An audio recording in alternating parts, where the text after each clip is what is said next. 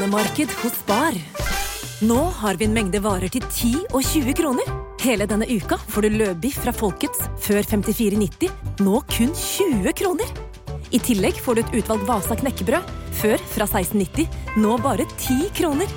Alltid tilbud på noe godt. Hilsen oss i Spar.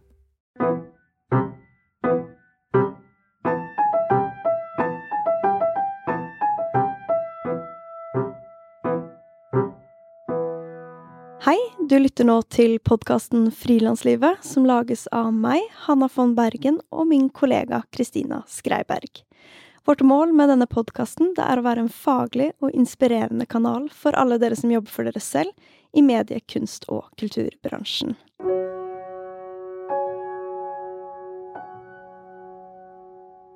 Regnskapsprogrammet Fiken er ukens annonsør, og det er eh, virkelig en game changer syns jeg, å bruke fiken. For før jeg hadde dette regnskapsprogrammet, så knota jeg noe veldig med regnskap. Jeg tror for mange så er det en sånn barriere i det å drive for seg selv. Men nå så kan man trykke på 'jeg har kjøpt noe, jeg har solgt noe'.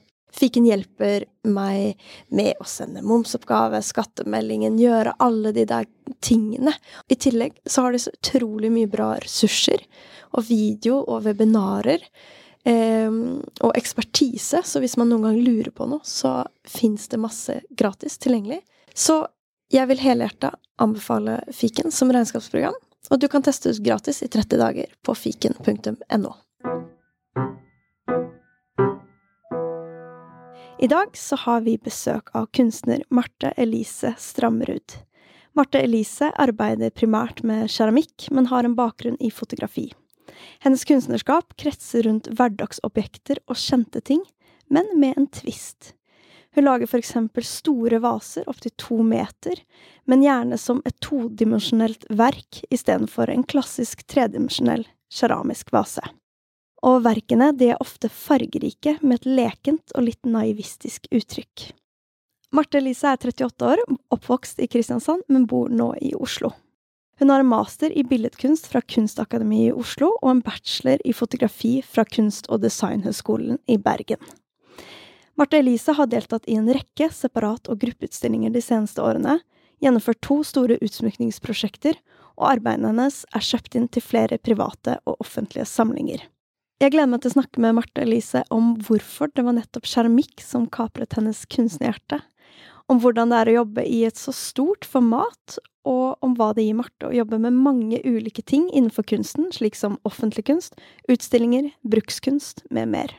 Jeg er også nysgjerrig på hennes nye prosjekt hvor hun sammen med plankontoret Nomad skal undersøke behovet for å lage pissoarer for kvinner i offentlig rom i Oslo. Hei, Marte Elise. Hallo. Veldig hyggelig å ha deg her. Ja, takk for at jeg fikk komme.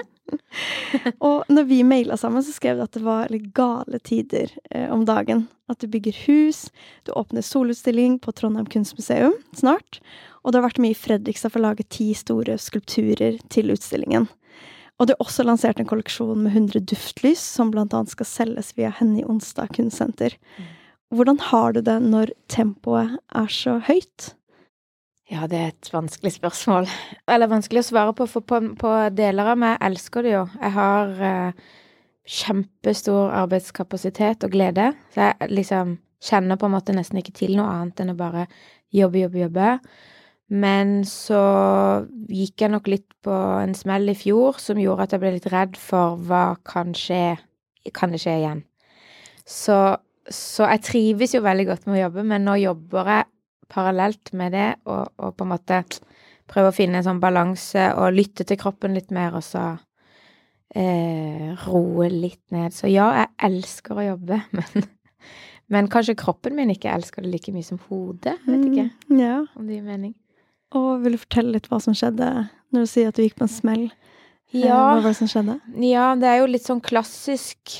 Eh, kanskje jeg var jo eh, i Ja, kanskje akkurat ett års tid eh, daglig leder for Oslo Open. Eh, den kunsthappeningen eh, som åpner atelier for eh, byens befolkning en gang i året. Og dette var for det første det å være leder av en, den liten organisasjon, en liten arbeidsplass, men det, du har jo et ansvar, et styre, ansatte og litt sånn. Så det tok jeg jo på stort alvor.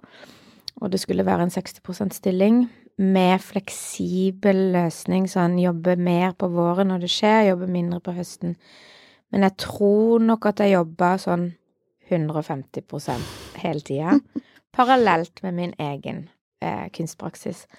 Så, og det er jo min egen feil, liksom, at jeg har så Jeg har så stor eh, Jeg klarer ikke å gi fra meg noe som er litt halvveis, og hvis jeg får noen ideer, så må jeg liksom undersøke det, undersøke det. Så jeg jobba liksom natt og dag da under pandemier, så det meste foregikk sant, via video, via satt aleine, det var liksom ingen som så hvor mye jeg jobba heller.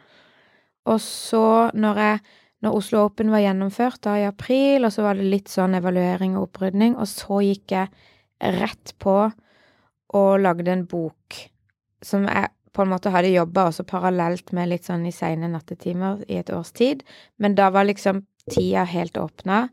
Og det var et prosjekt som jeg hadde liksom lansert, eh, et kunstprosjekt, for et års tid siden, som jeg ville skulle lande i en bok også. Mm. Uh, og da Jeg har aldri lagd bok før, så, så, det var veldig mye jobb, for det handla blant annet om å innhente bilderettigheter til 76 bilder. Uh, finne de, finne liksom, ja, alle disse personene og, og institusjonene og familiemedlemmer til disse. Det handler om å, om å presentere mm, noen eh, kvinnelige nordiske modernister, egentlig, i en bokform, uten å gå for langt inn på det prosjektet. Men, men eh, eh, ja hva er det jeg skal komme fram til? det bare det ble mye, høres det Ja, det ble veldig mye, mye jobb. Det, sant? det ble ingen ferie, sommerferie nok en gang. Og dette var nok også et resultat av at jeg i kanskje 15 år har jobba på den måten. Jeg har alltid sjonglert to, tre, fire deltidsjobber, jobba siden jeg var 16 år gammel. Studert, studert såpass mye at jeg kanskje har hatt år hvor jeg ikke har hatt studielån fordi jeg har brukt opp det, eller tør ikke, kanskje jeg vil studere mer, og da trenger jeg ikke å ta lån akkurat dette året her, og så Ikke sant? Så det tegner jo et bilde at jeg jobber mye. Så da Og så hadde jeg noe Måtte jeg ha en operasjon, faktisk, eh, for sånn endometriose. Så når jeg våkna fra den narkosen, da i egentlig akkurat sånn ett år siden, så var jeg bare helt sånn Da kjente jeg bare at det var på null. At jeg liksom ikke helt skjønte eh, hvem jeg var, eller hva det var som skjedde. Og da skulle jeg jo faktisk dra og trykke denne boka. Så mm. det var liksom Det var levert, på en måte. Det var jo, ikke sant, der var det jo En ting var alle disse bilderettighetene og sånn, men det var jo også seks skribenter, designere, korrekturlesere på norsk og engelsk. Det var veldig masse ting som skulle koordineres. Og jeg var jo både redaktør, bilderedaktør, jeg skrev Ja, leste korrektur delvis sjøl. Eh, så og da gjensto det egentlig det gøyeste å reise ned til et helt fantastisk trykkeri eh, nede i Danmark som heter Narayana Press, som drives av nonner og munker. Så det kan jeg fortelle om en annen gang. Men, eh, om de. Men, men, eh, men, da var jeg så Og da skulle jeg kjøre bil. Og da hadde jeg hatt en kjempestor operasjon i magen. Ja. Og da trodde jeg, for det heter skikkehullsoperasjon og da hadde jeg ikke undersøkt så mye. Altså, kikkehull, det er jo altså, det er litt sånn misvisende navn, for et kikkehull er jo noe man forbinder med, med noe lite, noe litt mystisk, noe sånn. Jeg bare så for meg at det var et veldig lite inngrep, og så skjønte jeg at det var det jo absolutt ikke. Så da klarte jeg å få tak i noen som kunne hjelpe meg å kjøre bilen, men jeg ville være med ned da. Så det måtte jeg jo på en måte gjennomføre, men ja, det var liksom det siste sånn, og så bare da og så tok det stopp. sa det stopp, rett og slett. Ja. Så da ble jeg sykemeldt for første gang, tror jeg, i mitt liv. Mm. Så jeg skjønte, visste ikke helt Apropos det å være frilanser, eller da var jeg jo for så vidt fremdeles ansatt i Oslo Open. Jeg hadde sagt opp, faktisk, før dette skjedde. Så jeg så det komme. Eller jeg så at det var veldig i veien for kunstnerskapet mitt. Eh, men eh, det tok for mye tid, liksom. Og så men jeg var i en sånn oppsigelsesperiode, så jeg jobba jo egentlig ennå. Så, så sånn sett så var det jo Først så sa jeg jo på sykehuset Nei, jeg trenger ikke sykemelding, fordi jeg er jo daglig leder, og jeg jobber for meg sjøl, så hvem skal jeg vise den Altså, jeg visste ingenting Nei. om hvordan Hva betyr det, liksom, å ha en sykemelding? Jeg trodde det var bare en lapp til, til, til sjefen din det har ingenting med penger å gjøre nå. Nei, ikke sant? Jeg trodde det var en lapp til sjefen om at, om at um, eh, det er på ekte. Er lege har sagt at jeg er syk, liksom. Men siden jeg var sjefen, så, så trengte jeg ikke den lapp. Altså, så det måtte jeg jo Så tok det jo en liten stund, og så skjønte jeg å, jeg trenger visst en sykemelding. Og så måtte Ja, så var det alt det der styret der, da. Jeg tror mange kan kjenne seg igjen i det at man setter i gang mange parallelle løp. Mm. Og kanskje spesielt hvis man jobber både organisatorisk og utøvende. Mm. Så har du to løp som du ikke er villig til å På en måte Litt av grunnen til at du tar jobben, er kanskje for å skape noe stabilitet Mm. og gi noe annet, men Mm. da er det jo viktig at det utøvende får fortsette å ta plass. Ja. Mm. Ja, det er akkurat det der. Og det der med Ja, eller for å svare litt på det med de to løpene, så Eller den stabiliteten, kanskje, så ja, det var jo Alle disse jobbene jeg har hatt på siden, har jo vært Altså, jeg skal være ærlig, det er jo primært for å ha For å overleve økonomisk. Men men akkurat det der å lede den organisasjonen der, det var jo også noe som jeg fant. Jeg har jo på en måte vært litt fagpolitisk aktiv, og, og Oslo Open har en sånn mulighet for en, tenkte jeg da, å være litt mer sånn aktive i den offentlige samtalen om, om ateliersituasjonen, for eksempel, da, som er veldig sånn tett knytta til Oslo Open. Eller det er jo det det handler om. Eh, så, så jeg var jo liksom veldig sånn Jeg ville jo på en måte Det var jo også noe jeg brant for, også det. Det var liksom ikke bare en jobb, i hermetegn. Mm. Så Så ja. Så jeg ga jo bare liksom full pupp på uh, begge, på alle. Jeg brant lys i begge ender, tror jeg. Mm. Og så tror jeg ikke det var akkurat liksom Det var ikke bare det året, men det var, det var liksom sånn Det året hvor det var mest intenst etter, ja, kanskje faktisk 15 år med veldig mye jobbing. Mm, Og gledesfullt jobbing.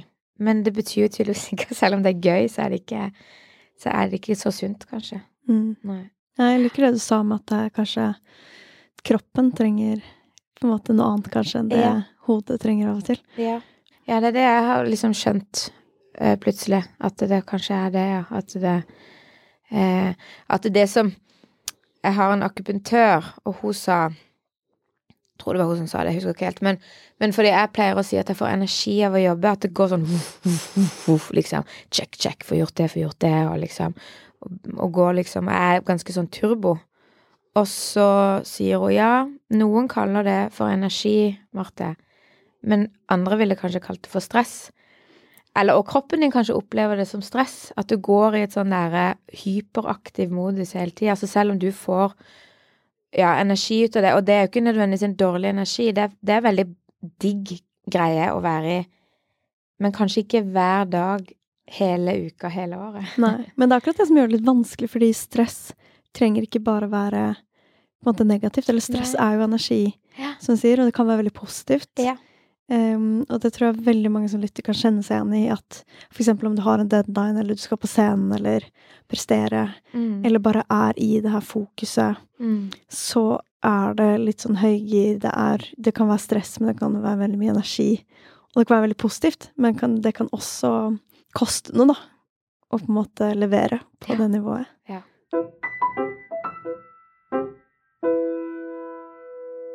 Ja, og som du nevnte, så har du jo vært daglig leder for Oslo Open. Eh, og også jobba organisatorisk på ulike måter politisk. Vært styremedlem i Unge Kunstnernes Samfunn, blant annet. Og hatt eh, andre engasjement innenfor kunstbransjen. Eh, men nå er du altså 100% utøvende kunstner. Hvordan har det vært å gi litt slipp på det du nevnte med eksempel å si opp jobben som dagleder og kanskje styre mer mot det utøvende? Ja. Har det liksom vært et bevisst valg å velge det? Ja, det var særlig det med, med Oslo Open var jo veldig bevisst. Altså, jeg kan godt jobbe, og må kanskje. Akkurat nå så trenger jeg det ikke. Og det er helt fantastisk, men jeg belager meg på at jeg må det. Og jeg liksom, jeg trives med det òg, men jeg trenger kanskje ikke å være leder av noe, i tillegg til å være leder av min egen eh, praksis. Men eh, så, så det er jo veldig deilig å kunne bare eh, bare gå på atelier hver dag og bare være i min egen praksis hver dag. Men så kan det jo bli litt faktisk jeg har tenkt særlig det når jeg var Jeg var jo i UKS i, i styret der i seks år, og da var jeg ganske aktivt, møttes ofte. Og det blir jo liksom et sånn eget miljø rundt det. Og da er det liksom Med en gang man går ut av styret, så er det borte. Selvfølgelig, de folka finnes, og de er jo vennene mine og sånn, men, men så det er faktisk litt rart at Og ja, det er litt sånn uvant å ikke ha Også med Oslo Open så er det jo et miljø, det er ansatte, det er et styre der, og det er liksom Så nå er det på en måte ingen som helt eh, ja, jeg har, altså jeg har jo veldig mange innom som jeg snakker med, og sånn, så det er ikke sånn Jeg vet, vet ikke om jeg vil kalle det for ensomt, men Men det er ikke de er kollegaene litt- som måtte følger deg i hverdagen? Nei. Ja. Så det er kanskje den største forskjellen. Men jeg må jo si at det er veldig privilegert, eller veldig deilig og, og, og privilegert, for den saks skyld, å kunne bare gå i mine egne prosjekter og eh, ikke måtte svare til noen andre. Nå har jeg selvfølgelig prosjekter som skal levere til utstillinger og sånn, så det er jo Det er jo noen i andre enden, men ikke på en sånn Ja. Ikke på en sånn en, Ja, på den måten som disse jobbene jeg har hatt, altså. Og du har jo egentlig bakgrunn eh, fra fotografi. Eh, så hvordan kommer det seg at det var keramikk som ble din kunstform? Ja. Ja, det er jo ikke så mange er, Nå er det kanskje blitt fem-seks år siden jeg tok i leire for første gang. Så jeg pleier jo å tenke at hvem vet hva jeg gjør om fem år fra nå? Eh, for da så kalte de meg for fotograf, og nå kaller de meg for keramiker. Så det er litt morsomt. Eh, med å liksom Behovet for å sette i bås, da. Men, men ja, altså jeg var jo veldig Når jeg begynte å studere kunst på, allerede på forskole, så ble jeg liksom fanga av fotografiet. Eh, og, og det fulgte meg i mange år. Men så begynte jeg Da jobba jeg med liksom på en måte litt sånn skulpturelt fotografi. Altså jeg tok bilder av ting, for å forenkle det veldig. Og lagde liksom Bygde litt sånn tablåer eller mm, små scenografier eh, av liksom objekter, og så, og så hadde jeg et sånn storformatskamera, og så tok jeg Så var det veldig sånn Det, hand, det handler om komposisjon.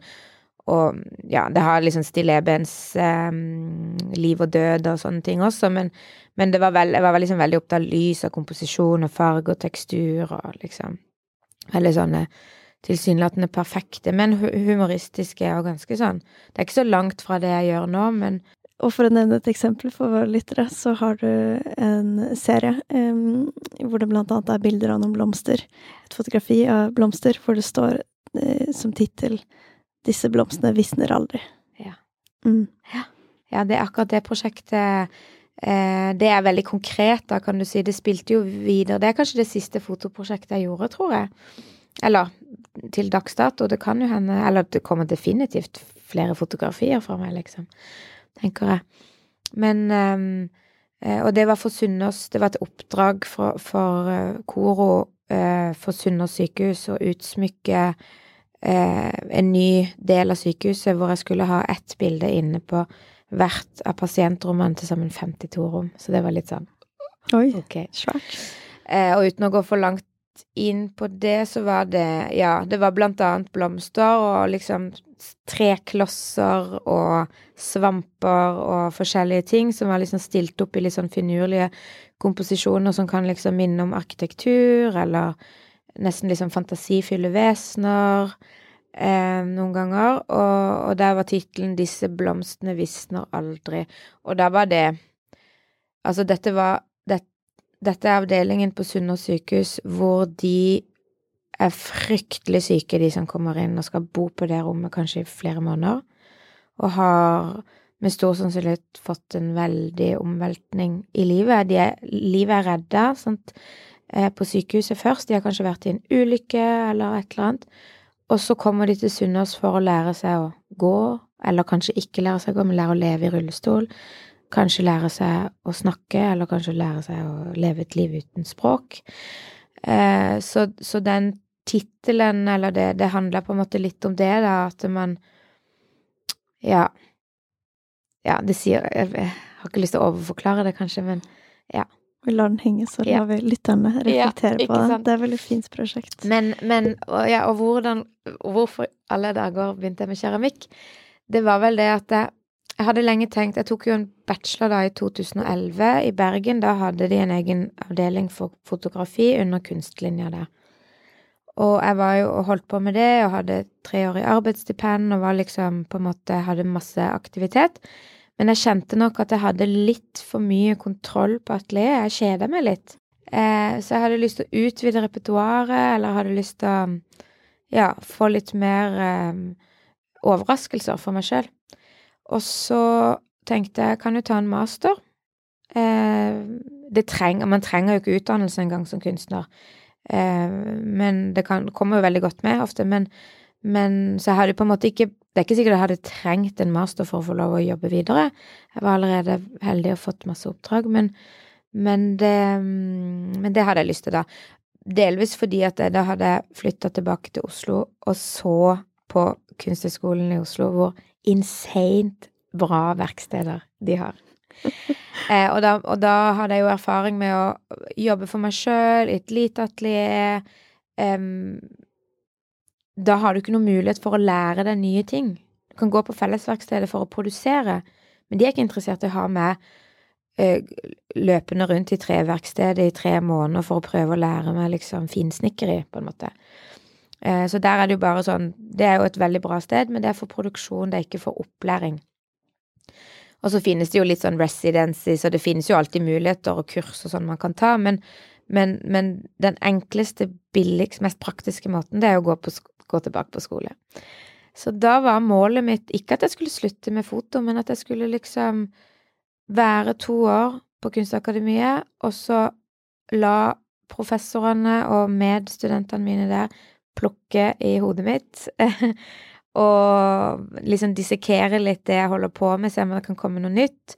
Og ikke minst å, bare liksom virkelig bli bestevenn med verksmesterne og lære meg alt eh, som, eh, som de kan, da.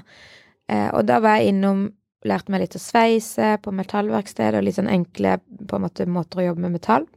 Og så var jeg på finsnikkeriet, eller lærte meg å snekre. Jeg hadde før det litt sånn redsel for sag og syntes at det der var Kunne ikke opp og ned på en spiker, nesten. og, så, og så var det liksom keramikk, og da var det i keramikken. Og, og målet med disse øvelsene, det var egentlig at jeg skulle fortsette med fotografiene mine, men tanken var istedenfor å ta liksom objekter som allerede finnes, og, og lage disse mm, eh, ja, tablåene, så kanskje jeg kunne bygge det fra liksom å ha full, full kontroll over bildet. Og da kunne vel leire være et godt utgangspunkt, for det kan på en måte bli hva som helst. Um, og er for, veldig formbart og sånn. Og så når jeg stakk de hendene mine ned i den leira, så bare var det helt sånn Jeg tror det var det jeg lengta etter, uten at jeg visste det. Så det er litt sånn romantisk um, historie, egentlig, at jeg ble liksom bare helt bergtatt. Og et godt eksempel også på å følge sin magefølelse.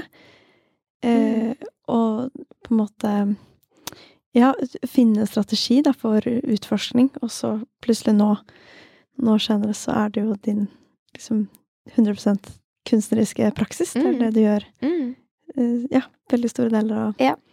ditt kunstnerskap. Så det er veldig interessant eh, at egentlig det som var målet ditt, da, kanskje Det ble jo egentlig noe helt annet. Ja, og da var det på en måte sånn Det var ikke det at jeg kasta kameraene med en gang, men det var, da var det plutselig helt uinteressant å drive og tenke på det bildet. Så da bare begynte jeg, og egentlig bare ble jeg helt sånn Jeg er litt sånn nerd, da. Jeg er liksom turbo og høyt og lavt, men jeg har også en sånn nerdekvalitet med meg, hvor jeg liksom elsker å dykke inn i ting og forstå ting og sånn, så jeg går liksom grundig til verks. Og da, og da i keramikk så er det jo enormt mye. Eh, man kan jo sikkert aldri bli liksom en ekspert, på en måte. Eh, og da Så da Da begynte jeg bare liksom å utforske leira og liksom keramikkens muligheter, og, og begynte å lage liksom Først kanskje bare sånne bruksobjekter som jeg hadde sett før, eller altså en kopp, en tallerken, for å, bare for å lære liksom materialet. Og så blei det liksom raskt til liksom litt sånne skulpturer og ja. Større og større og Større større. og større og større. Og det her med størrelse Jeg, jeg syns det er ganske fascinerende, fordi fotografiet er jo uh, veldig mye enklere å jobbe med rent sånn Kanskje når det skal utstilles, printes, eh, versus de her store, store, tunge skulpturene. Og du skrev på Instagram at skulpturene du lager til utstillingen nå i Trondheim, eh, veier så langt til sammen 1,6 tonn. Det er mulig at det har blitt enda mer. Eh, og de store todimensjonelle vasene de kan være på rundt 1-2 meter. Um, og så skrev du også at du krysser fingrene for at du får alle trygt plassert inn i ovnen, og at de overlever en liten uke under nærmest 1300 grader, og at de kommer ut på andre siden skinnende glossy, fargesterke og i én bit. Eh, altså, hvilke utfordringer skaper det å jobbe i et såpass stort format? Åh, ja. Det er jo helt Altså På tirsdag så sto jeg Tirsdag ettermiddag så sto jeg sånn og bare Hva i alle Hvorfor gjør du dette? Hvorfor holder du på med dette? For da skulle vi ha fire av disse skulpturene inn i ovnen nede på en fabrikk i Fredrikstad, hvor de egentlig lager ting til industrien, så de har kjempestore ovner. Så da kan jeg ikke jobbe på mitt atelier, da. For jeg har ikke så stor ovn. Eh, og da holdt det på å gå Da har jeg liksom jobba i nesten et halvt år med å bygge og liksom dekorere og glasere og, og ja, liksom, Håper å si kose med eller finpusse på disse. Og veldig mye logistikk og veldig mye Altså, man, jeg blander leira sjøl først, og sant, alt Og det er noen sveiser involvert, og det er masse, masse Veldig mye logistikk. Så det er mye arbeid, da. Og så kan det liksom gå så galt. Jeg tror ikke det gikk galt, men det vet jeg ikke før på søndag når vi åpner ovnen. Spennende. Eh, og da Og det som kan gå galt, det handler litt om måten jeg jobber på der, for jeg lager disse liksom skulpturene eh, som, jeg skal, som jeg lager nå, det er jo egentlig en, en, en type skulptur jeg har lagd en stund nå. Det er liksom på en måte en slags klassisk vaseform eller krukke som er kollapsa til en flat et, eh, liksom til et flatt objekt. Så det er nesten som en silhuett av en Eller nesten som en tegning av en, av en sånn vase, da, for å ta det som utgangspunkt. Og så Og da, de er ti centimeter tjukke. Og da må man forstå at den keramiske prosessen Hvis man skal glasere ting på begge sider, så må objektet kunne stå i ovnen. Fordi at det, glasuren, den smelter først oppe på dette 1300 grader, eller 1260 grader. Der smelter glasuren, og så, når den sakte ovnen liksom kjøles ned, så stivner han jo. Så den er liksom glass, og så stivner han og blir på en måte, ja, til én bit, da. Sammen med leira som den ligger på. Sånn at hvis jeg hadde lagt de ned, så hadde de jo brent seg fast inni ovnen. Eller da kunne jeg ikke, eller da kunne jeg ikke glasert de på begge sider. Det er derfor for eksempel kopper ikke har glasur på undersida, hvis noen lurer på det. Fordi da hadde de brent seg fast i ovnen. Mm. Så finnes det måter å, å jukse det til på, men det går ikke med sånne store, tunge ting. Så da, også når den er myk, og så blir den leirhard, eh, noe man kaller da er den på en måte fast, men fremdeles formbar. Og da ganske, da tåler den ganske mye. Da kan man liksom dunke og, og flytte på det og sånn. Men når det er helt tørt, som det må være før det går inn i ovnen For hvis ikke så koker det, og da sprekker det. Den fuktigheten som ligger igjen. Når det er helt tørt, så er det jo sprøtt som en kjeks. Så da skal man liksom ta denne Disse her er ikke så store engang. De var 120 kilo eller noe sånt. Én meter høye. Fire stykker. Inn med en Og så har vi ikke noe Altså, det er ikke noe De har ikke noe de har ikke noen måte å gjøre dette på, for jeg har bare en idé, og så vil jeg at det skal gjøres. Så jeg har ikke liksom løst det sånn Det er ikke Hvordan skal vi få de inn? Det er liksom 1 meter og 20 centimeter å løfte de opp inn i ovnen, for eksempel. Jo, da må vi ta en gaffeltrøkk, og så må vi liksom klemme skulpturen Oh, sammen. Og så bare håpe at det går. Så det er jo helt sånn Oh, shit, På en måte er det jo litt sånn nybrotts og litt sånn gøy å bare liksom gønne på, men jeg blir jo Det er en utstilling som åpner 22. oktober, og hvis det Hvis det liksom hadde gått galt, så jeg har ikke noe plan B, så det må bare gå. Ja, hvordan hvordan, hvordan er det å deale med den eh, nervøsiteten? Jeg tenker at det er jo ganske høy risiko på mange Ja. måter. Jeg tror jeg er ganske lav, har ganske lave skuldre på det, bortsett fra akkurat under den løftinga. Så var det en av de som begynte å tippe i løftinga, for han var litt sånn topptung. Wow. Og så ble, var ikke jeg høy nok, så jeg kunne liksom ikke holde den igjen. Og da ble jeg sånn så ble, Da ble jeg litt sånn i fistel. Og bare sett deg ned, sett deg ned, vi må liksom Og så var det noen andre som jobber i det fabrikken der, som, som var litt høyere enn meg, litt sterkere enn meg, så trådde de til, og så gikk det bra. Men da får jeg sånn jeg, jeg, Akkurat på det punktet der Det går helt fint hvis det går galt, for det er min egen feil, på en måte. Eller sånn, da har det Det tror jeg tåler. Jeg har ikke opplevd det ennå, så det vet jeg ikke helt, men det tror jeg tåler. Men jeg blir liksom akkurat i øyeblikket så får jeg litt sånn um, Jeg vet ikke hva, ut, hva det kalles når man får sånn Det er ikke panikkangst, for det er jo ikke Altså, men det er en sånn der em, eh, katastrofeangst eller noe sånt, at jeg blir helt sånn Det er ikke noe gøy for de som holder på rundt meg heller, for da blir jeg litt sånn Så da vil jeg helst egentlig bare gå Jeg går opp i andre etasje, og så og så bare komme opp og hente meg hvis den har knekt. Så, Ja. så, så kan jeg godt se det, det går fint, men, men jeg, ja, akkurat der og da, så ja, hvordan er det? Jeg vet ikke, det er ikke så veldig gøy, men det er jo litt gøy når det går, da.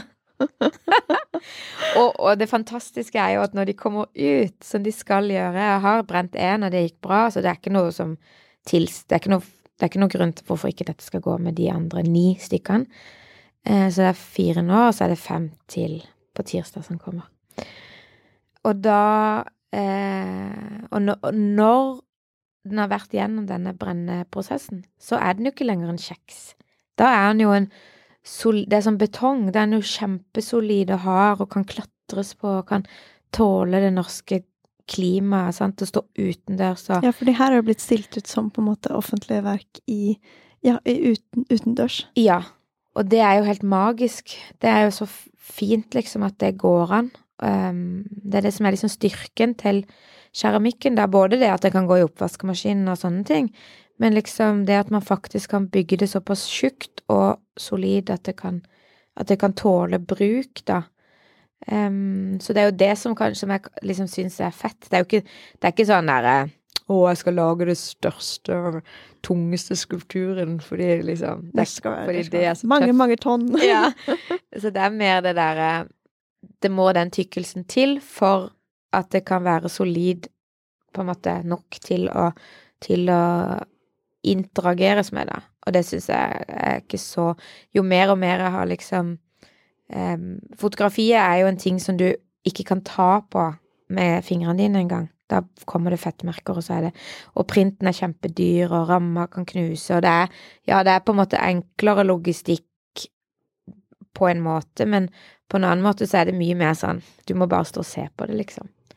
Mens med keramikken så kan man jo liksom krafse i vei. Det er jo helt fantastisk. Mm, det er sant. Ja.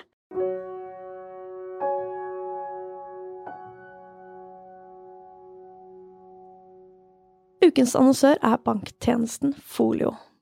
Folio slår sammen bank og regnskap, så du sparer tid, enten du har ENK eller AS. I nettbanken så lagrer Folio informasjonen om dine kjøp og inntekter, sånn at du kan sende ditt fiks ferdige bokførte regnskap fra Folio rett inn i ditt regnskapssystem eller til en regnskapsfører. Det reduserer tiden du bruker på regnskap, eller eventuelt sparer regnskapsføreren din for tid, så du sparer penger. Les mer på folio.no.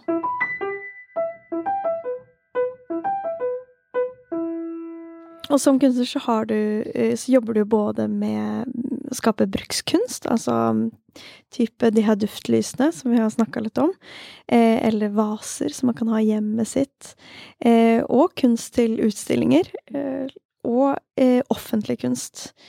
Og i tillegg så har du det jeg nevnte vidt i introen, det her eh, prosjektet med eh, med plankontoret Nomad, hvor du undersøker på en måte litt mer sånn Litt annerledes med byplanlegging, arkitektur. Eh, hva gir den variasjonen av å kunne jobbe med så mange ulike ting innenfor kunsten? Hva gir den deg? Ja, det, det, det gir meg jo Det gir meg mye glede, tror jeg. Em, rett og slett. Og så klarer jeg ikke å la være, kanskje. Og det er igjen Det er den leira. Den er helt vidunderlig. Den kan jo på en måte Når den kan tåle det, så kan jeg ikke lenger bare lage ting som skal ses på. Og i billedkunsten så er det jo kanskje litt sånn hmm, eh, Ikke helt innafor å lage bruks... Eller brukskunst er jo liksom et litt sånn negativt lada ord, da, men det liker jeg å tulle med, og, og, og tenker at jeg kan jo Visst kan jeg lage ting for bruk som også kan doble som skulptur, maleri, på en måte, eller ikke sant, en malt flate, um, og bruksobjekt. Og det Ja, det Jeg syns det når jeg, når, når jeg kan, så må jeg liksom bare. Eh, så det gir meg veldig mye eh, liksom Ja, det gir meg mye glede, det der, og så blir jeg, blir jeg litt sånn fandenivoldsk, liksom. Ja. I forhold til hva da? Nei, i forhold til for eksempel det å ja, nei, du må ikke finne på å lage kopper, eller du må ikke finne på å uh, lage liksom små dekorative vaser, for dette, da er du liksom ikke um, ja, da er du ikke kunstner med stor K? Seri Nei, det er du ikke kunstner med stor K, da er du ikke seriøs nok, eller da er du ikke liksom Det er ikke, det er ikke på en måte Det har, ikke det har, det har ingen verdi, eller det har en det er bare en overfladisk verdi, da, på en måte. Det er interessant, for man kan jo se på det motsatte også, at det med brukskunst er jo også tilgjengeliggjøre kunsten mm. for kanskje de som ikke nødvendigvis oppsøker samtidsmuseene, uh, ja. og som ikke har råd til den prissjiktet ja. da, av måte, samtidskunst. Ja. Og det er definitivt Det er jo liksom Det er jo egentlig kjempepolitisk, eller en, en, en en viktig eh, Eller det du sier der, da, en, det er en viktig del Eller jeg tenker på det, da. Eh, og for eksempel, jeg gjorde en utstilling på Galleri Ram i 2019, tror jeg det var. Og da hadde jeg masse objekter for kjøkkenet. Eh, og da var det blant annet serveringsskåler og kopper som var liksom en, Hvis jeg tenker på disse serveringsbollene, da, som satt sammen fem-seks stykker oppå hverandre, så utgjorde de et bilde men tatt fra hverandre så er de et verktøy for å servere mat fra, for eksempel.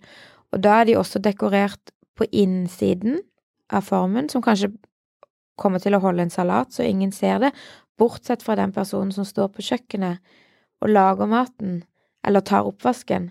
Så, da, så, så det handler liksom om å eh, Ikke nødvendigvis gi omsorg til de personene, men å liksom å tenke på eh, Ja, at ikke det skal være så, hø så høyverdig, eller så eh, Ja, det blir feil ord, men, men jeg tenker på de som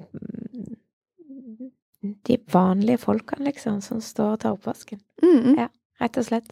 Jeg syns det er veldig deilig. Jeg tror at det har skifta seg, det. Jeg har også hatt en annen keramiker, Anette Krogstad, tidligere i podkasten, mm. jeg tror første sesong, som nevnte det samme, at um, når hun gikk på eh, Kunsthøgskolen, så var det også det her med at det var Ja, kanskje litt sånn sett ned på, da. Um, og tror du det er fortsatt tilfellet? At det er sånn? Eller tror du det liksom en, ja. er på endringsvei? Det har jo en historie, dette her, da. For det, det, det var vel nok er det sikkert noen som kan arrestere meg, så det bare sier jeg ifra på forhånd at jeg kan hende ha detaljene litt feil. Men, men, det er jo nå, Jeg står jo på skuldrene til særlig kvinnelige keramikere som har gjort, kjørt en hard kamp før meg for å bli tatt på alvor, for at kunsthåndverket skal bli tatt på alvor. Og da var det en periode, sikkert på 70-80-tallet, hvor, hvor for eksempel på keramikk, på kunsthåndverk, på Kunsthøgskolen, så, så, har jeg hørt at da fjerna de, kasta de alle dreieskivene. Og hvis du skulle lage en kopp, så skulle det være et hull i den, fordi den skulle på en måte Da skulle det handle om Koppen, den skulle ikke være bruksvennlig. Du måtte fjerne det fra bruk for å komme inn i varmen, eller inn i alvor, inn i museet. Eh, og det var nok en nødvendig kamp som de måtte gjøre. Eh, og så nå vi, lever vi i en helt annen tid, hvor, hvor, både på grunn av den kampen de gjorde Det samme gjelder jo fotografiet, det var heller ikke anerkjent før for ikke så mange tiår siden. Um, og da Nå er vi så heldige, vi som jobber i dag, at vi kan jo på en måte gjøre hva som helst. Og, og jeg kan jobbe med brukskunst og med det ramme alvor. Eh, og, og, og, og, for eksempel Nasjonalmuseet har jo kjøpt eh, to av disse stablene av sånne serveringsboller.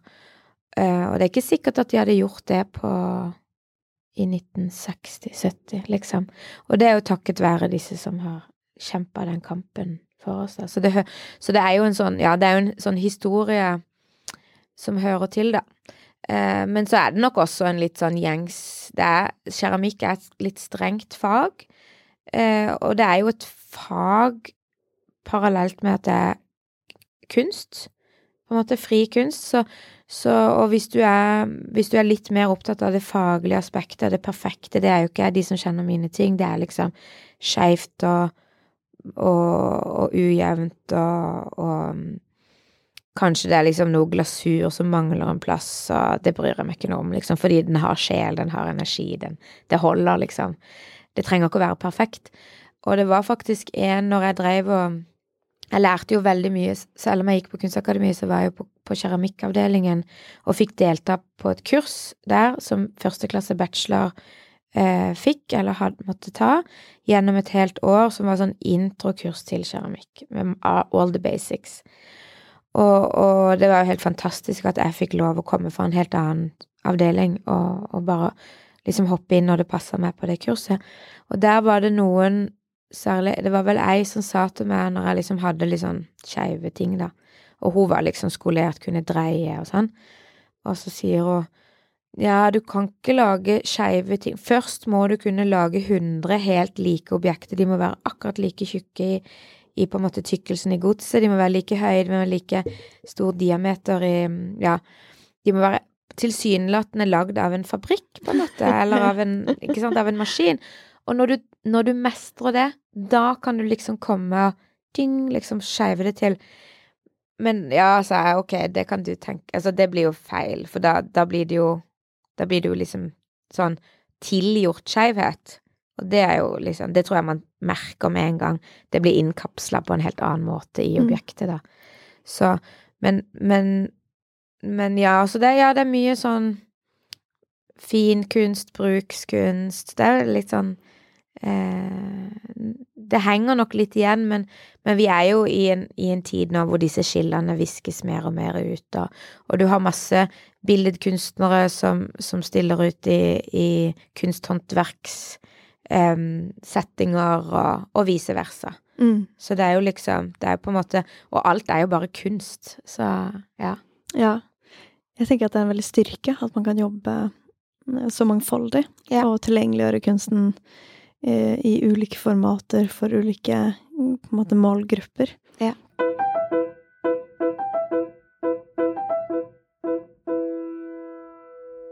Og så har du, som jeg nevnte i introen, et, eh, et prosjekt sammen med Plankontor plankontoret Nomad som heter Hele Oslo pisser. og apropos det her med liksom den fine kunsten og litt mer hverdagslig, ja. så passer det bra å komme inn på det. Kan ikke du fortelle litt kort um, hva det prosjektet handler om? Jo. Ja, det var en fin bro. Uh, um, det handler om Altså, OK, det begynte med at um, en byplanlegger uh, som heter Bengt Magnus Karlsson, han ringte meg, han jobber i dette plankontoret Nomad. Og jeg kjente ikke han fra før av, og han bare ringte meg en dag, og så lurte han på om vi skulle gjøre et prosjekt sammen. Det fantes noen koropenger man kunne søke på. Og så jeg tror det var han som nevnte noe med Jeg tror det var han som nevnte pissoar først. Og dette var jo i Ja, nå var det Det var altså midt i pandemien, da. Jeg hadde akkurat kommet hjem fra Paris og vært der i fire måneder. Kjæresten min var på residency, og jeg var sånn freerider på han. Og der var det sånn mega lockdown. Litt strengere, eller mye strengere enn det var her i Oslo, men jeg tror det var ganske sånn delvis tider her òg hvor alt var stengt, også kafeene, sant. Og og når Bengt begynte å snakke om pissoar, så sier jeg å, herregud, jeg har liksom akkurat Altså, hør her. Eh, jeg ble liksom låst Når vi skulle gå tur i Paris, så ble jeg låst til å ikke gå så langt fra der hvor vi bodde, fordi det fantes ikke noe sted hvor jeg kunne gå på do. Mm. Eh, for å tisse. Så det Så Og, og Audar, min kjæreste, han Selv om det er jo både liksom Det er mye urinering i Paris, men det er jo også litt sånn strengt, da. Men det er jo uansett fysisk mye enklere for han å dra snoppen opp over bukselinninga og ha ryggen til byen og ingen Altså, det er ikke så blottgjort, da. Men så kvinner så må vi jo liksom ned med buksa, ned med trusa, huke oss ned, baken er bar, tissen er bar, alt er liksom Du er jo veldig sånn eksponert, da, så det er både føles utrygt, det er flaut, det er, det er ubehagelig, og det, og det, kan bli dyrt. Det er jo eh, Det er jo ulovlig, på en måte. Og da, for det var da det slo meg at det er jo ingen Det er jo ingen liksom offentlige toaletter rundt om, heller ikke i Paris. Og så begynte vi å snakke om men er det det i Oslo. Det er vel egentlig veldig få toaletter i Oslo også. Og så var det en sånn idé om ja, skal vi gjøre noe på dette, kanskje liksom, ja Skal vi lage et prosjekt Skal Skal vi undersøke det litt? Eh, muligheter for kvinner til å late vannet i det offentlige rommet. og så og så begynte vi å Så gjorde de en sånn svær kartlegging da nå i vinter, og så kom de fram til at inn i Ring 2 i Oslo så finnes det 13 offentlige toaletter. Oi. Ja, det er ikke mange, nei. Det er ikke mange. Og, og da er det De har vel telt det til at det er én toalett per 54 000 innbyggere. Nå er jo ikke alle 54 000 ute og går samtidig, så du så ikke i kø, liksom, 54 000 i kø, men men, så det er nå én ting, og det, en annen ting er at disse toalettene er jo også helt sånn forferdelige. Eh, det var en idé Det er sikkert en god idé, til Eller sånn man, Alt må testes ut, at det skal være sånn selvrensende Ingen mennesker er nødvendige her. Men det er sikkert mange som har opplevd å sitte fast i den der grønne boksen inne på, i Sofienbergsparken mens toalettet tror at du er ute, det begynner å spyle, og du er liksom innelåst i og uansett hvor mye de spyler og spyler, så er det jo en sånn en stank og en Det er noe Ja. Så det er ikke noen gang Det er ikke 13 gode toaletter engang. Så det er jo en Dette er jo et kjempeproblem fordi at eh, det å Altså, for å leve så må man drikke. Eh, og for å drikke så må man tisse. Og så eh, Ja. Så det Så da begynte vi Så undersøkte vi det. Eh, og hvordan har du som kunstner på en måte øh, Hva har vært din rolle i denne prosessen? Ja, ja altså jeg har vel vært en sånn jeg er jo litt sånn samfunnsengasjert, altså jeg blir jo litt sånn gira med en gang. Så vi har hatt masse diskusjoner om akkurat dette med, med, med tilgjengelighet, og, og, kanskje særlig overfor kvinner. Og, og vi har også snakka Jeg sa ganske tidlig i prosessen at vi må ha et råd, vi må sette sammen et pissoarråd som inneholder For en ære å bli invitert inn i pissoarrådet. Ja. og det skulle være liksom en litt sånn mixed gjeng fra tverrsnitt fra samfunnet. Eh, vi lyktes ikke helt med det, for det var en del Det var to-tre stykker som, som, på en måte ikke feiga ut, men som ikke kunne i siste sekund. Så, så, akkurat det ble litt Men dette er også et forprosjekt. Det er på en måte ikke sånn, ja. Så, men vi, vi, vi, vi, var en liten gjeng som, som ble samla og diskuterte tilgjengelighet på alle mulige slags måter, og, og, helt sånn praktisk hvordan man går til verks, og hva som skal til, og sånn og sånn. Eh, så det var jo Så jeg var involvert i disse møtene der hvor vi diskuterte det, og så eh, Og så husker jeg ikke helt Altså, tanken var nok hele tida at det skal bli noe i keramikk, fordi keramikk kan jo tåle også å tisses på. det skal bli liksom Eller et eh, pissoar for kvinner ja. av keramikk, som ja. du da potensielt uh, ja. skal skape. Ja. Så nå er det prosjektet Det er faktisk uh, lansert for et par dager siden på Oslo arkitekturtrinale. Der står det en liten modell. For de midlene vi fikk for dette, det var jo ikke liksom nok til å lage en fullverdig toalettløsning, så det handler nok mest om å liksom løfte samtalen og, og mm, prøve å påvirke det i en retning sånn at eh, Ja, sånn at byen som vi bor i, blir en, et, et, bedre sted. Um, og ja, handler det om kunst? Ja, det vil jeg nå påstå. På. Eller at kunstnere kan også tenke på sånne ting, liksom. Ja, og så fint at det er så tverrfaglig, tenker jeg, fordi hvordan byen formes, eh, det formes jo på en måte av arkitekter, byplanleggere, veldig mange ulike. Men kunstnere har jo også en veldig viktig mm. rolle mm. i Og jeg syns jo blant annet Oslo er ekstremt flinke til eh, offentlig kunst. Ja. Så det er jo eh, Jeg syns det er veldig kult å høre at noen inviterte deg som kunstner inn i det her prosjektet. Mm. Uh, det blir Mm. spennende å følge Ja. med videre. Ja. Så det er altså en liten Det er på en måte et, et, sånn, et forslag, en enkel løsning, som ligger på Som man kan se på arkitekturtriennalen nå. Eh, som er Altså uten å røpe for mye, så er det på en måte Det er en veldig enkel løsning. Det er en oppgradering av busken. Sånn at man skal slippe at det er liksom en, en måte å Altså denne Det er et, en, en, på en måte en skjerm som man kan eh, som kvinne gå inn i og huke Altså det er bare Det er et, et, et, en skjerm for at du skal skjermes fra hvor enn i terrenget denne står, da. Sånn at du kan i fred og ro ikke være blottlagt, men at du kan Den er høy nok til at du ikke skal bli sett, eller at ikke, ja, at ikke man kan se inn, men lav nok til at du kan se ut over når du huker. Sånn at du også på en måte ikke Ja, sånn at man har litt oversikt. Ikke sant? Så det blir en, en trygg opplevelse. Ja. Så det kan jo hende, altså hvis noen plukker disse opp Jeg tror jo de er veldig fine. De går an i den formen de har fått nå, så, så kunne det vært en veldig kul test, liksom, å kjøre. Så, så hvis noen har lyst til å Ja, vi håper jo litt at noen skal plukke det opp, og kanskje det blir realisert i full størrelse, da. Mm, spennende. Og du har jo laga flere utsmykninger og jobba med offentlig kunst. Og blant annet så har du lagt kunst til Årvoll skole og flerbrukshall i 2020 og Sunnaas sykehus på Nesodden i 2017. Som du nevnte litt tidligere i samtalen. Mm. Hvordan skiller det seg å jobbe med offentlig kunst versus en utstilling? Hvis det gjør det i noe særlig grad? Ja, altså hoved, eh, hovedforskjellen der er at det faktisk finnes penger. Eh, så ja, det er virkelig den store forskjellen.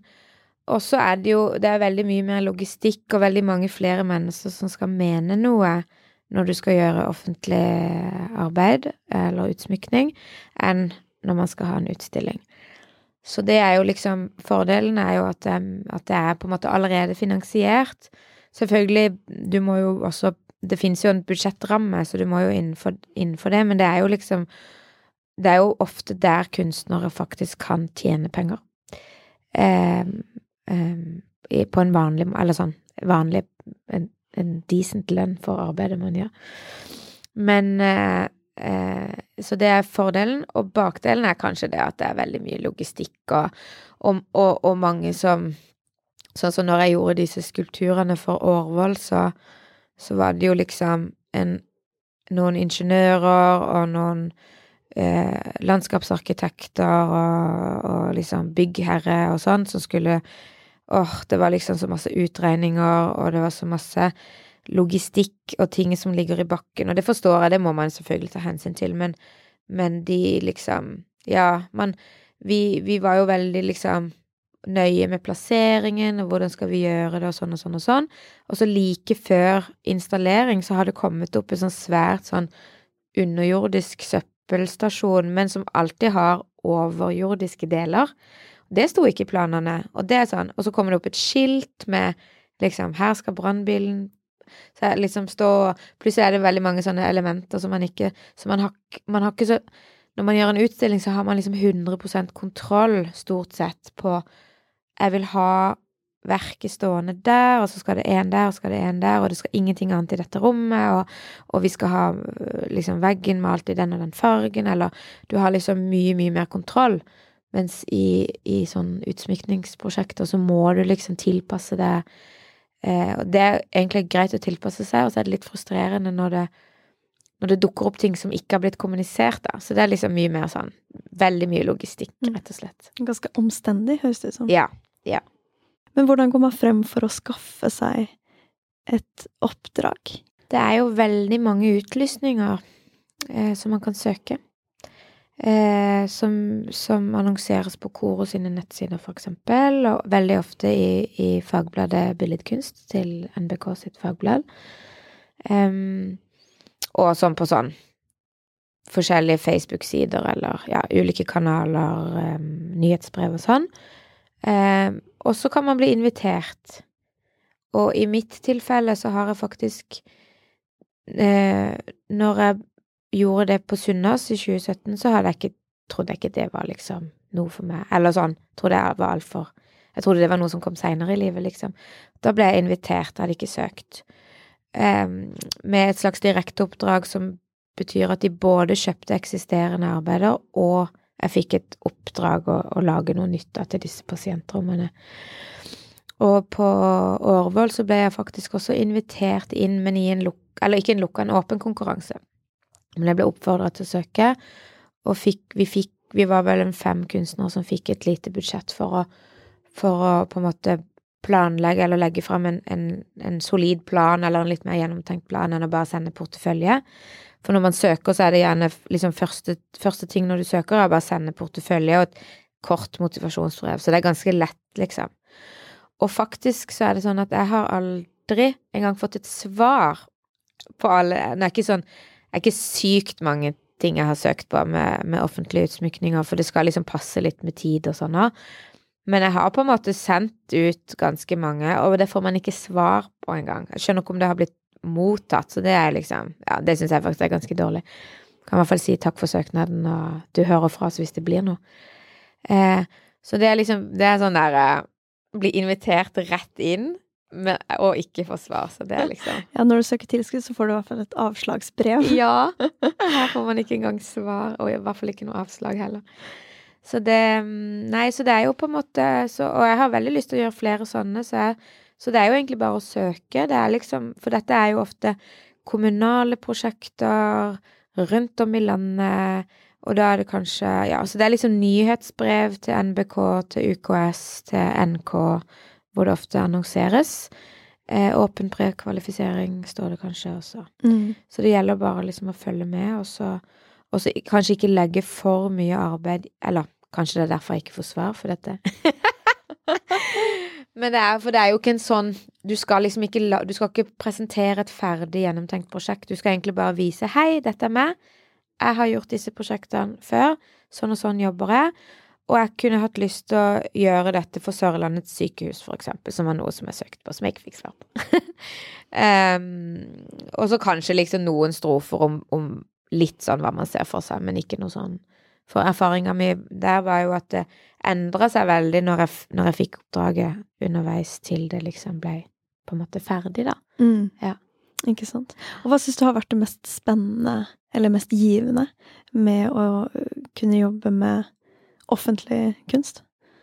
Ja, nå har jeg bare gjort de to prosjektene der, da. De var veldig forskjellige. På Sunnaas så hadde vi jo faktisk en workshop med pasienter på Sunnaas. Det føltes Det føltes nok veldig mye nærere brukergruppa, eller hva man kaller det for, og Og så var det jo litt sånn Jeg tror jeg tok det litt sånn med litt sånn, litt sånn alvor på grunn av at det er så liksom vanskelig sted Eller vondt, eller sånn ja, hva er det riktige ordet, da? Et litt Ikke trist sted, men et men det er liksom alvorlig. sted. Et alvorlig sted. Ja. Um, så det var veldig fint på den måten, og veldig sånn æresfullt, på en måte. Også med Årvoll så havna jo dette også under pandemi. Jeg skulle egentlig gjort workshop med barna på skolen, og på en måte hatt det Ikke nødvendigvis, de skulle ikke være med å bygge skulpturene, men det, jeg hadde liksom en plan om at det skulle liksom være et sånn slags samarbeid, men det var, ikke kan å gjennomføre.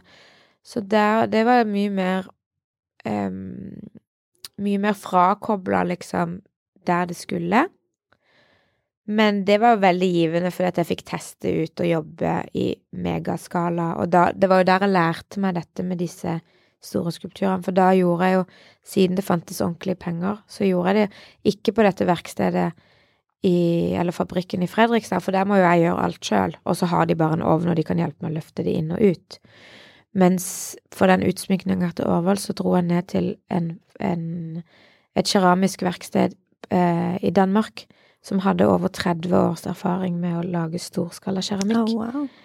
Så de Det var jo liksom vi Jeg kom med ideen, og så lagde de planen for hvordan det skulle løses og gjennomføres, og de hadde ansvaret.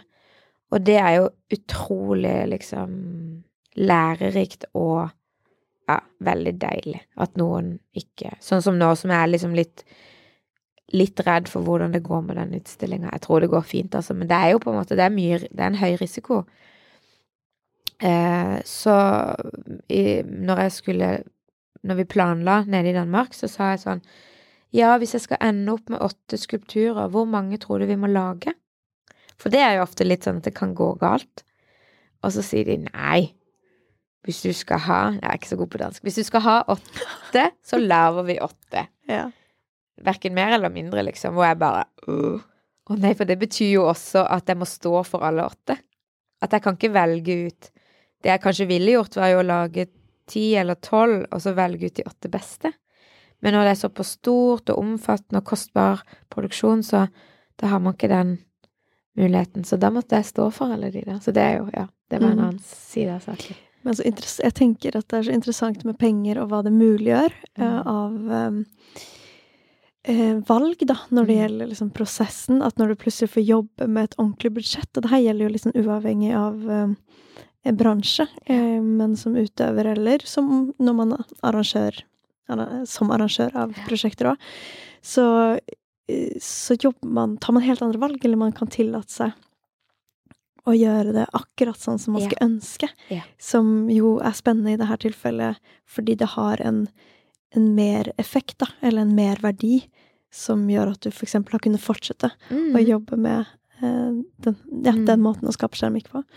Og Mm. sånn sett, det er jo på en måte ganske urettferdig for de som ikke eh, får det oppdraget. Så liksom Ja, jeg har jo hatt en kjempevekst i kunnskap og erfaring og sånn ved å kunne gjøre det, og det er jo det prosjektet som har gjort at jeg gjør dette pissoar-prosjektet nå også. Så, så det liksom, det baller jo på seg når man først liksom kommer av gårde.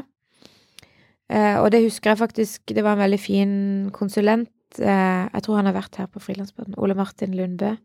Jeg kjente ikke han da, men han var konsulent for det prosjektet, og han eh, og han, og da, for det, helt i starten så var jeg sånn Ja, jeg vil lage noe med fliser, for da kan jeg liksom jeg kan, Men jeg vet ikke helt åssen Hva skal jeg liksom Hva skal på en måte Skal det da lages av isopor, og så fliser man det, eller gips, eller For jeg, var, jeg kan ikke så mange andre materialer, sant?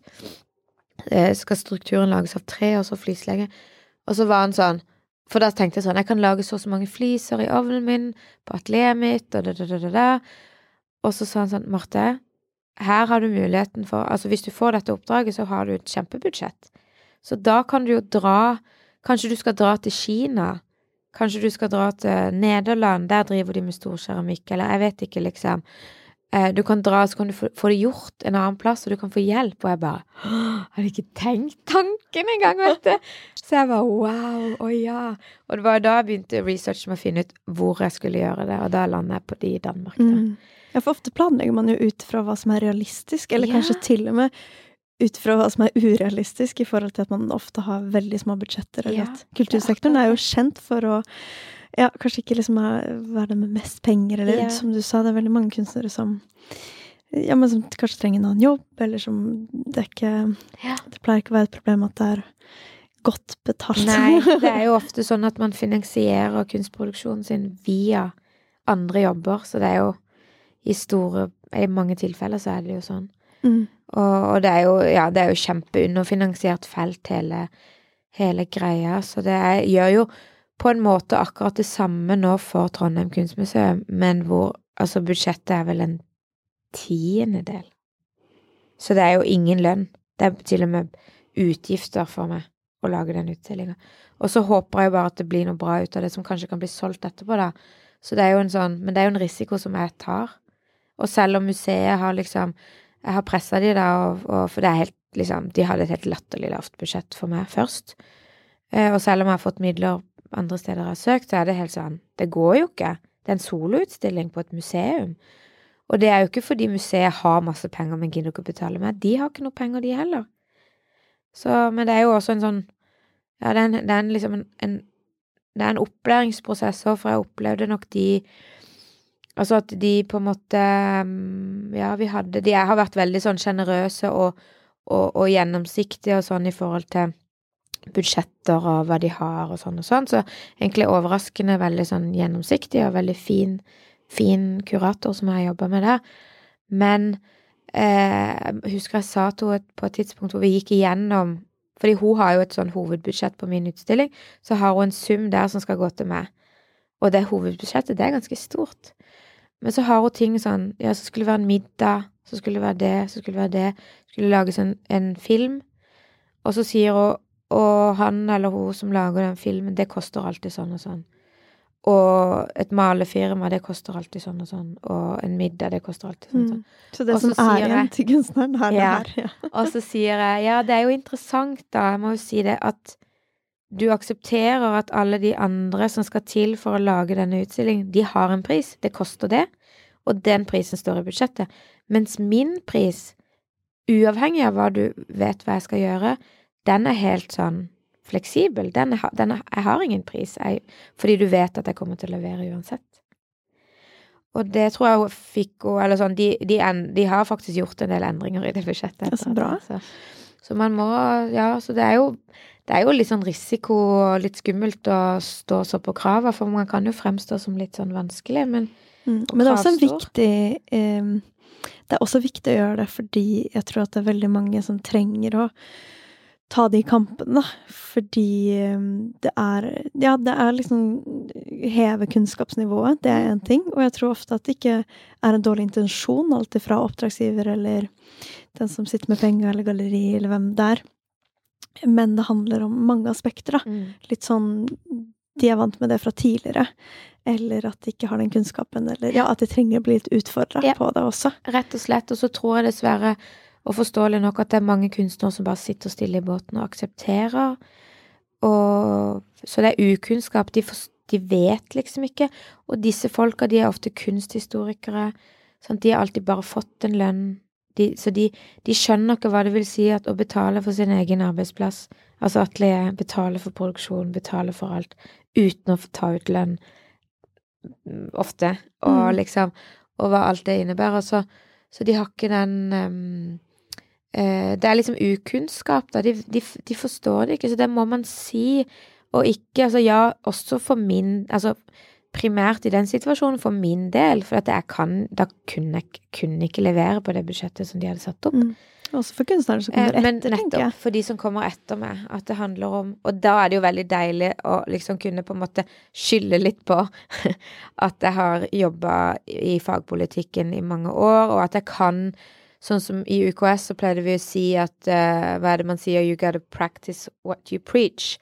Så UKS har veldig gode vilkår for kunstnerne som stiller ut. Fordi vi kan ikke stå på Stortinget og kreve uh, eller hvor det nå er, liksom, å kreve overfor politikere og bedre vilkår, mer penger. Uh, og så ha Fordi UKS har jo også et utstillingssted, og så er det liksom underbetalt der òg.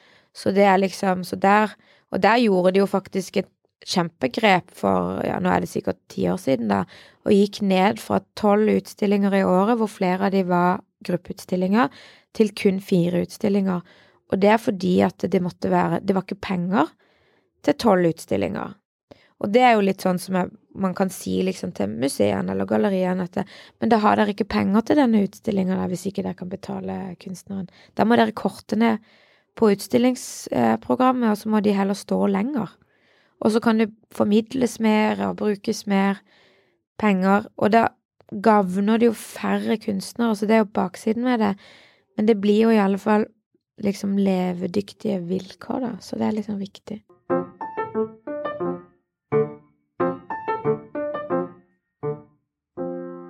Og nå som vi er litt inne på, på din bakgrunn litt mer sånn fagpolitisk og sånn organisatorisk, så slår det jo meg som en person som har mange jern i ilden, eh, som engasjerer deg eh, både for liksom kunstpolitikken, men også sånn for kvinner. Løfte kvinner i kunsthistorien, eh, jobber politisk, eh, er fagorganisert, fagorganisert, dyktig til å søke tilskudd, eh, etc., etc. Så hvor viktig er eh, dine administrative egenskaper Mm. Altså, hvor viktig har de vært for å drive måte kunstnerskapet ditt, eller frilanslivet ditt, fremover? De er nok dødsviktige. Fordi Eller jeg tror, jeg tror man kan klare seg som kunstner uten å, uten å ha evne for det, men jeg tror det er vanskeligere. Fordi, eller for min del i alle fall, så er det Det kommer så lett for meg, så det tar ikke så tar ikke så mye energi. Og jeg har ikke så mye uro rundt, rundt for eksempel søknader og budsjetter og sånn. Så det er jo liksom en Ja, det tenker jeg det er sånn yin-yang i praksisen min, at det, det er liksom så viktig at det er på stell, for da kan jeg liksom bare slappe av når når jeg skaper. Hva syns du er det beste med å frilanse? Det er nok friheten, tror jeg. At jeg kan eh, Nå har jo ikke jeg barn heller, da, så det er liksom Jeg er bare min egen Og nå har jeg ikke noe jobb på sida heller. Så det å kunne Selv om jeg legger inn veldig mange arbeidstimer i løpet av en uke, så kan jeg liksom bestemme litt når den arbeidsdagen begynner, og når den slutter. Og, kunne, og derfor kan jeg være helt inne i liksom den sona nesten så lenge jeg vil. Det kan jo være litt farlig, som vi var inne på helt i starten, men, men jeg tror liksom friheten eller fleksibiliteten eh, er det som smaker best. Mm. Hva er det mest utfordrende, syns du? Ja, det er nok usikkerheten eh, i forhold til at man aldri vet helt. Man vet kanskje et halvt år om gangen hvordan det går eh, økonomisk. Men jeg syns liksom det òg. Jeg har på en måte vent meg til det er helt i orden at jeg må ha en jobb i ny og ne på sida. Det er liksom ikke noe, verken noe nederlag eller noe eller noe sånn stort offer. Så, så da går liksom Med den innstillinga så går det liksom Det er faktisk litt deilig å ikke gå i mitt eget hode hele tida, men å faktisk gjøre en annen jobb. Og det bidrar jo til den her variasjonen, som kanskje Ja. gir veldig mye òg. Ja. Det, det nærer på en måte på en annen måte. Så Men det er jo Ja, det er jo litt sånn Det er jo litt usikkert, da. Ja. Men det må jeg ikke tenke for mye på. Marte Lise, tusen takk for at du kom. Det var veldig fint å slå en prat med deg. Takk for at jeg fikk komme. Ha det. Ha det.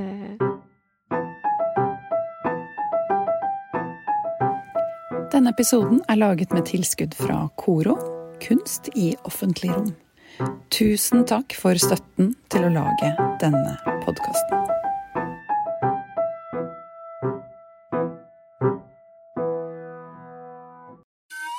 Denne går ut til alle dere foreldre som ønsker at barna deres skal bevege seg mer. Bare husk på dette lille verset. Bort med mobilen alle mann, så drar vi til Leos lekeland. Lek så mye du vil til 20. juni. Gå ikke glipp av tilbudet Springpass. Vi ses på Leos.